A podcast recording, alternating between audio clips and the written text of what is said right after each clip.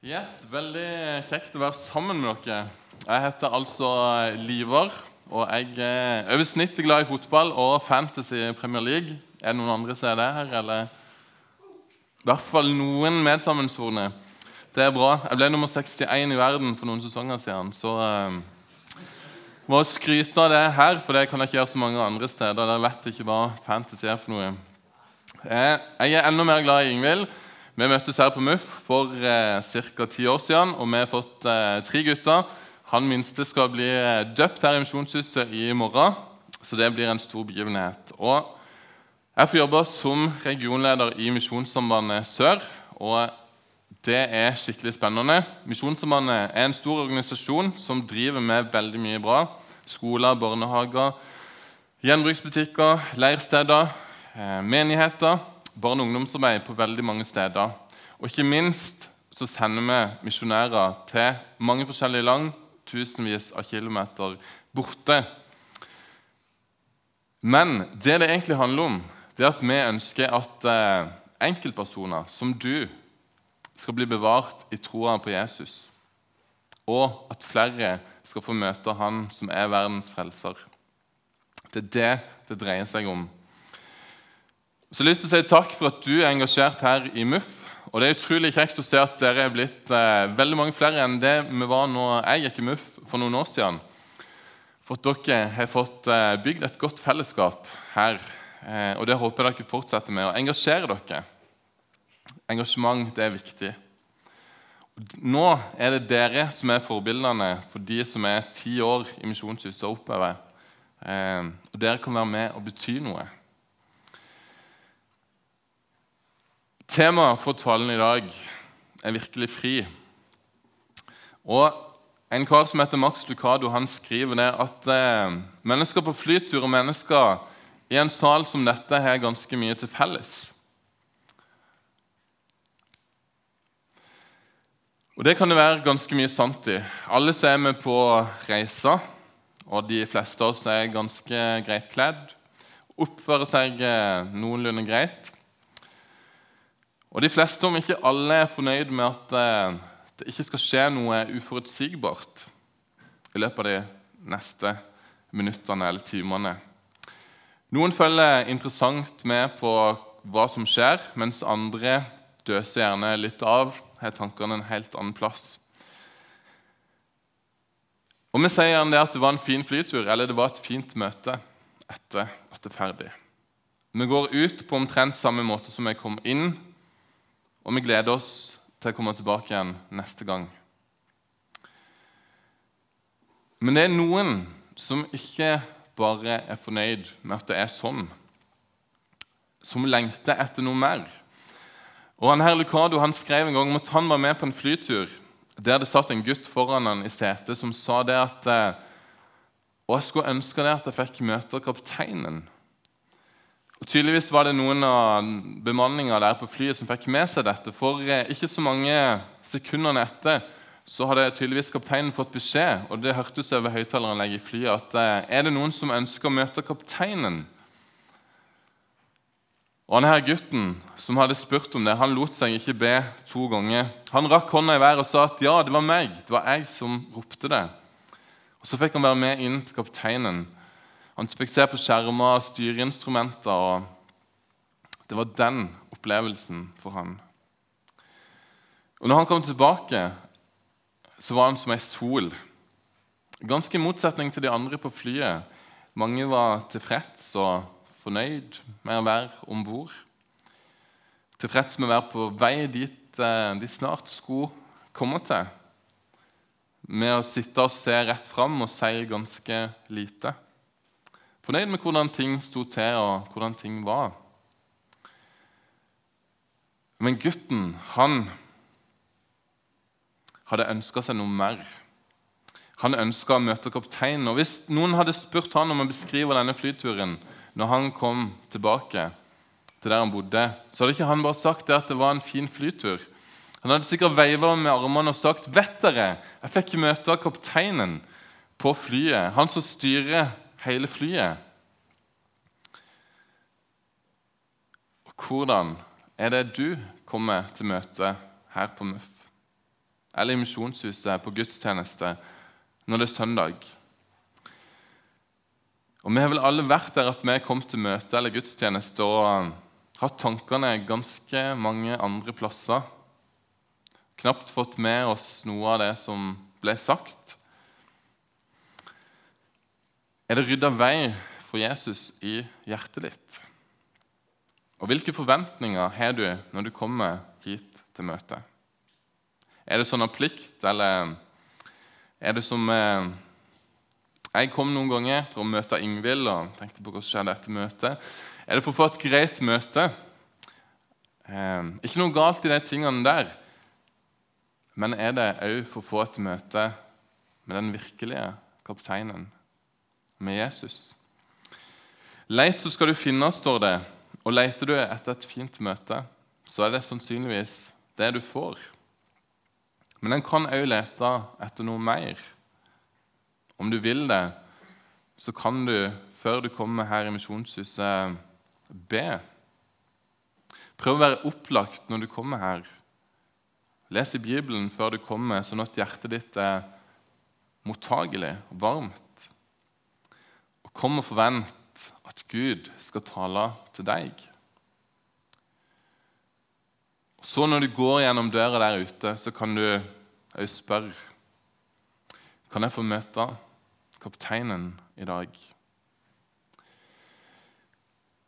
Og Nå skal vi høre fra den virkelige kapteinen det han sier i Johannes 8, 31.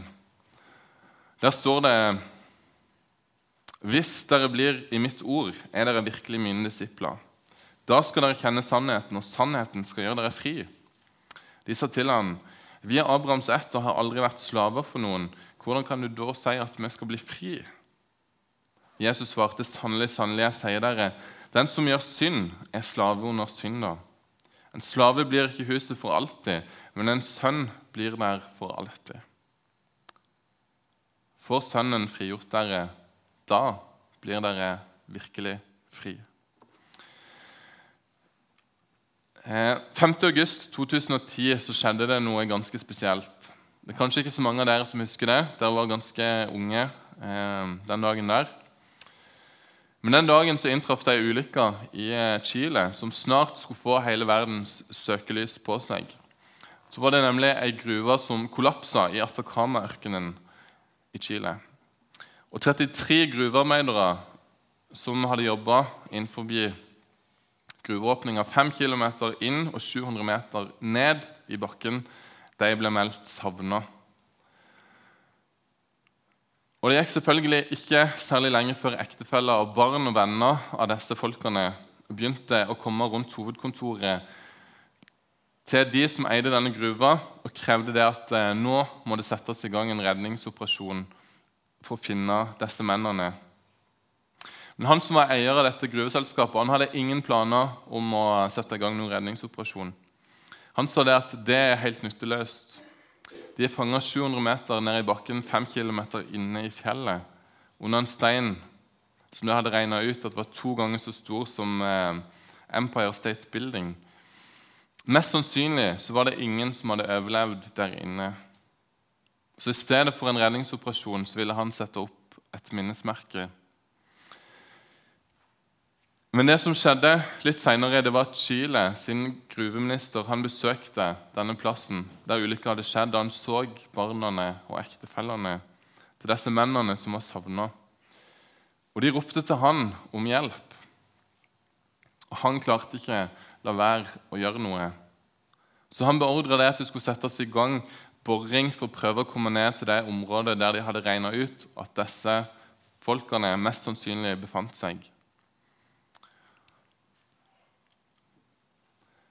Problemet det var det at eh, det å begynne å bore i dette fjellet ville mest sannsynlig føre til at eh, det raste enda mer sammen.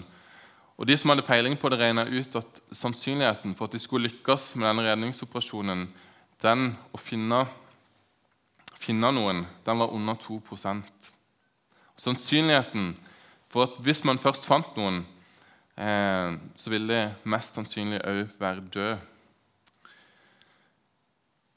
Men et boreteam ble altså satt i gang, og de begynte å bore nedover Og Før de starta, ba de til Gud om at han måtte hjelpe dem å lykkes med denne redningsoperasjonen. Og De gikk i gang og drilla først et eh, lite hull nedover i bakken.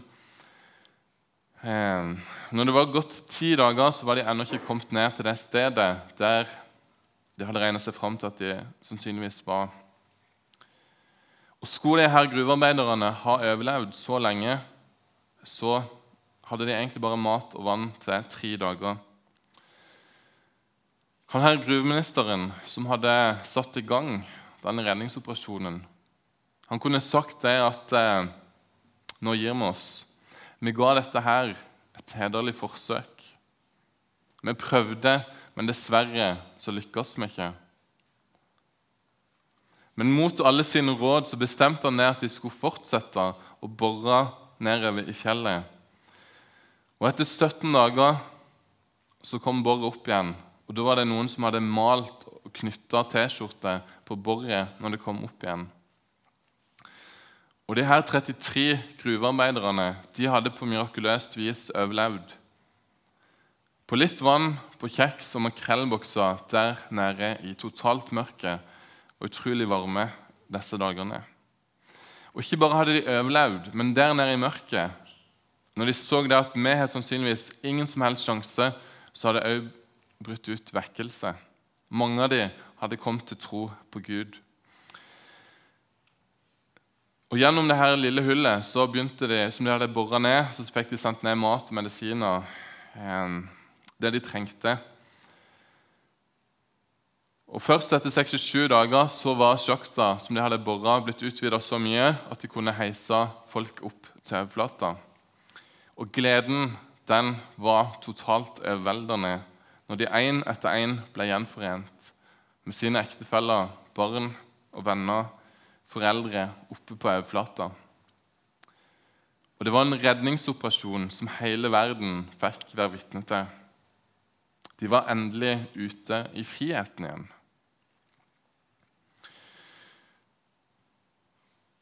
Og Hvorfor forteller jeg dere denne historien på Muff i kveld? Jo, det er fordi det er en historie som har ganske mange fellestrekk med vår historie, med mitt og ditt liv. Etter at denne her katastrofen, om man kan kalle det det, syndefallet, inntraff, når Adam og Eva som de første mennesker valgte synd Og det har vi andre fortsatt å gjøre, hver en av oss, etterpå. Så ble vi avskjært fra Gud. Noe kom mellom oss. Ikke en vanvittig stor stein, men ondskap, synd, som hver en av oss har inni seg. Ikke bare sånn er det at vi har gjort noe, noen gale ting, men vi fortsetter stadig vekk å gjøre noen gale ting. Det å baktale, som egentlig er å trekke andre ned. Det å se på porno for å tilfredsstille eget begjær. Det å være egoistisk. Vi liker å prioritere oss sjøl først.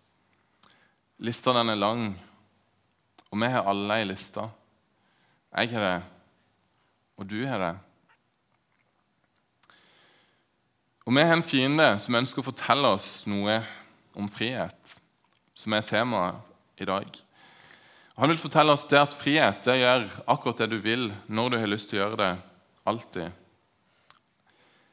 Men der synd lover frihet, så gir den alltid det motsatte. Jesus han, han snakker om det i den teksten som jeg leste her for litt siden. At den som gjør synd, blir slave av synda. Vi blir lett avhengige. Så i stedet for frihet så blir vi fanga. Se for deg det at du alltid har hatt lyst på en Tesla. Men eh, den koster litt mer enn det du som student eh, har råd til. Eh, så Derfor blir du veldig glad når du en dag oppdager det at det ligger en auksjon ute på nettet der, kan, der startbudet på denne Teslaen ligger på 10 000. Eh, så du legger inn et bud, og det ser bra ut helt til det kommer et bud på 15 000 i stedet. Du tenker det at ja, ja, det er tross alt, jeg kan gå med på noen tusen til. Så du legger inn et uh, nytt bud, og det her budrundene fortsetter litt. Uh, men du tenker det at det blir jo bare noen få tusen mer enn det du allerede har betalt. Så, sånn fortsetter det. Plutselig så er auksjonen ferdig, og det er én god nyhet og én dårlig nyhet. Og Den gode nyheten er at du er blitt eier av en Tesla. Den dårlige nyheten er at du betalte mye mer enn det du hadde råd til for å bli eier av den Teslaen. Du er blitt gjeldsslave. Ikke bare koster det deg, men det koster dine foreldre, det koster vennene dine, som er med og bidrar til at eh, du skal klare deg.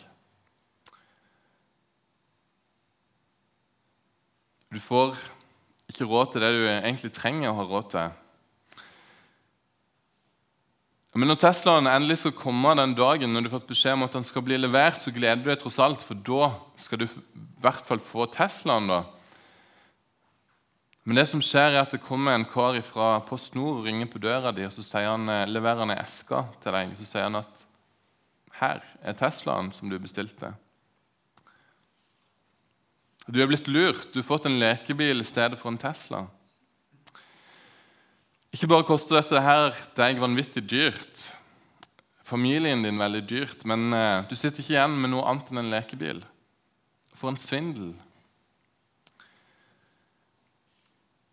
Det som er tragisk, er at mange folk ikke bare blir svindla av synder på denne måten her, men at de neste dag ser at eh, netthandelen er lagt ut en ny auksjon på en BMW, og så legger de inn et nytt bud. Men det er sånn det ser ut når en er blitt slave under synda. Sjøl med smertelig store kostnader så fortsetter en å kjøpe. En er blitt avhengig. En er blitt slave. Jesus forteller imidlertid til de som hørte på, at om en blir i Hans ord, da skal en få kjenne sannheten, og sannheten skal gjøre en fri. Han sier at sannheten den har en iboende kraft til å sette fri. Det fins ikke virkelig frihet utenfor Han som er veien, sannheten og livet. Men i Han så fins det full frihet, virkelig frihet. Og Den er tilgjengelig for alle som vil ta imot Jesus i sitt liv. Redningsoperasjonen som ble satt i gang i Chile for å få ut de her 33 gruvearbeiderne, den kosta 20 millioner dollar, ca. 200 millioner kroner. Den himmelske redningsoperasjonen som eh, Gud satte i gang for at du og jeg skulle bli virkelig fri, den kosta langt mer enn penger. Gud han kunne også satt opp et minnesmerke over menneskeheten og sagt det at eh, det er ikke verdt prisen å betale mer. Det er gjort så mye dritt, så mye elendighet. Nå får det holde. Nå får det kjøre sitt eget løp. Han kunne sagt det at det nytter ikke men i stedet så gikk han hele veien til korset. For at du og jeg skal få tilgivelse og virkelig frihet. Og vi vil ta imot det. Et av problemene med synd er at eh, vi helst ikke vil snakke om det. Og Hjemme så har jeg en, eh, en fireåring som stadig er ute på noen raid. og For en tid tilbake siden så var han uh, ute med en blå tusj en kveld. Uh, og Han lagde en slags kunst på veggen. Noen vil kanskje kalle det tagging. så jeg kan jo begynne å se hva jeg har foran meg i årene som kommer. Men når, han så at jeg kom, så sprang han og gjemte seg. men jeg tok han jo selvfølgelig igjen og spurte han, hva var det du drev på med der borte. Og så han bare 'Det var ikke meg'. Eh, og jeg sa jo det, men jeg så at du gjorde det. Nei, men det var ikke meg. Det var ikke meg, pappa. Og han, han sto på sitt og sa det at det var ikke jeg som gjorde det. Vi gjør det gjerne ikke helt på samme måte som han Håvard hjemme hos oss på fire år. Vi gjør det litt mer eh, avansert, kanskje når vi er ungdom, voksne.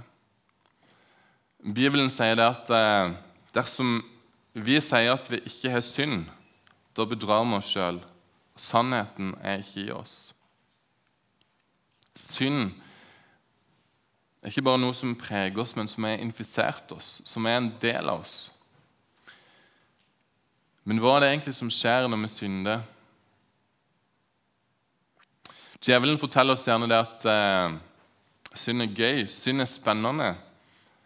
I alle fall ikke noe som er alvorlig. Det kan ikke være så farlig, sant? Eller dette her er jo egentlig ikke synd. Og Vi spiser ofte det der eplet der, den argumentasjonen. Vi er ikke så vonde å be. Og vi trenger ikke alltid be heller, for det ligger liksom i oss sjøl. Og plutselig så sitter vi der, du og jeg. Og så kommer det her stikket når vi blir avslørt, eller samvittigheten sier noe til oss. Da er det ikke så gøy lenger. Og vet du, Da kommer djevelen til meg og deg med et helt annet budskap. Der han først sa at eh, dette her var jo egentlig, dette er jo egentlig ikke synd, eller dette er jo i hvert fall ikke så farlig, ikke så alvorlig, så er plutselig synden blitt kjempealvorlig. Og det er egentlig djevelen helt rett i. Synd er kjempealvorlig. Men når han kommer og forteller deg det, så vil han også fortelle deg at eh, han har en løsning på dette problemet som kan være ganske fristende. Og det er at nå må du gjemme deg. Nå må du komme deg bort. Nå må du holde dette for deg sjøl. Nå må du fikse det sjøl. Bibelen den forteller oss eh, en helt annen løsning. Dersom vi bekjenner våre synder, er Han trofast og rettferdig, Han forlater oss syndene og renser oss fra all urettferdighet. Og Jesus han har ingen forventning om at du ikke kommer til å synde igjen. Det er ikke noe som overrasker han neste gang det skjer i ditt liv. Men han forventer, eller han inderlig ønsker at du skal komme til han med det. Når det skjer synd han blir tilgitt, så er det på et vis noe rikere enn om det ikke hadde skjedd i det hele tatt. Det er ikke noe vi skal gå inn for med vilje, men, men når synd er skjedd i mitt og ditt liv, så er det faktisk noe som kan bringe oss enda nærmere Jesus hvis vi kommer til Han med det vi har gjort. For da blir vi tilgitt. Og da skjer det noe i oss. Men der synda var stor, ble nåden enda større, står det i Romerbrev 520.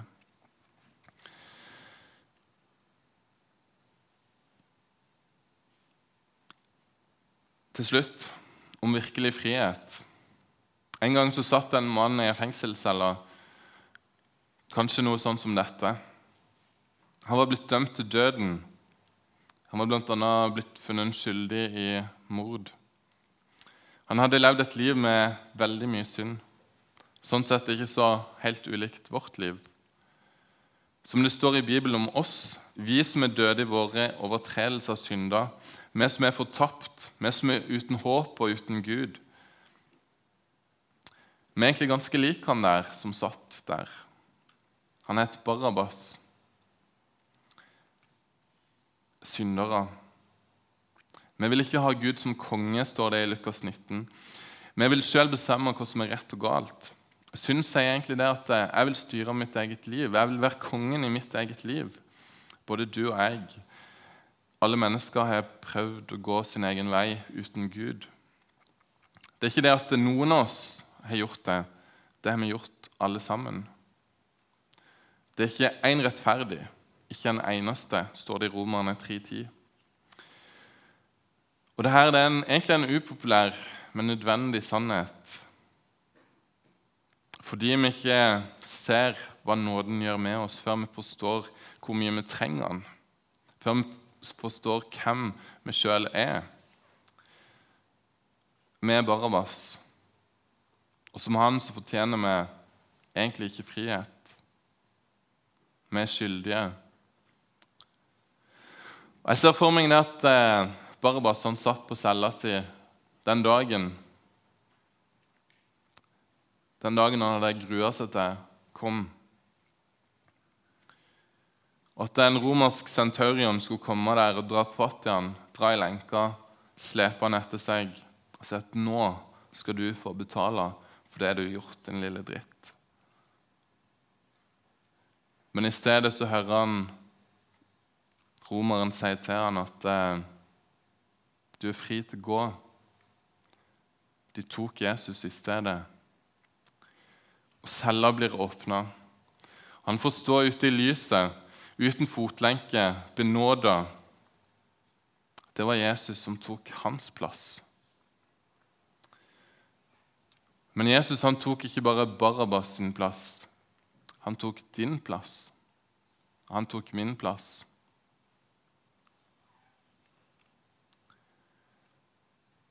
Du skal få høre en sang om det å være tilgitt ganske snart. Og vet du, det virkelig frihet, det er å være tilgitt. Og vite det at det fins en som vet alt om deg, og likevel elsker deg. Som ikke bare vil tilgi deg, men som faktisk kan tilgi deg. Fordi han har betalt for alt.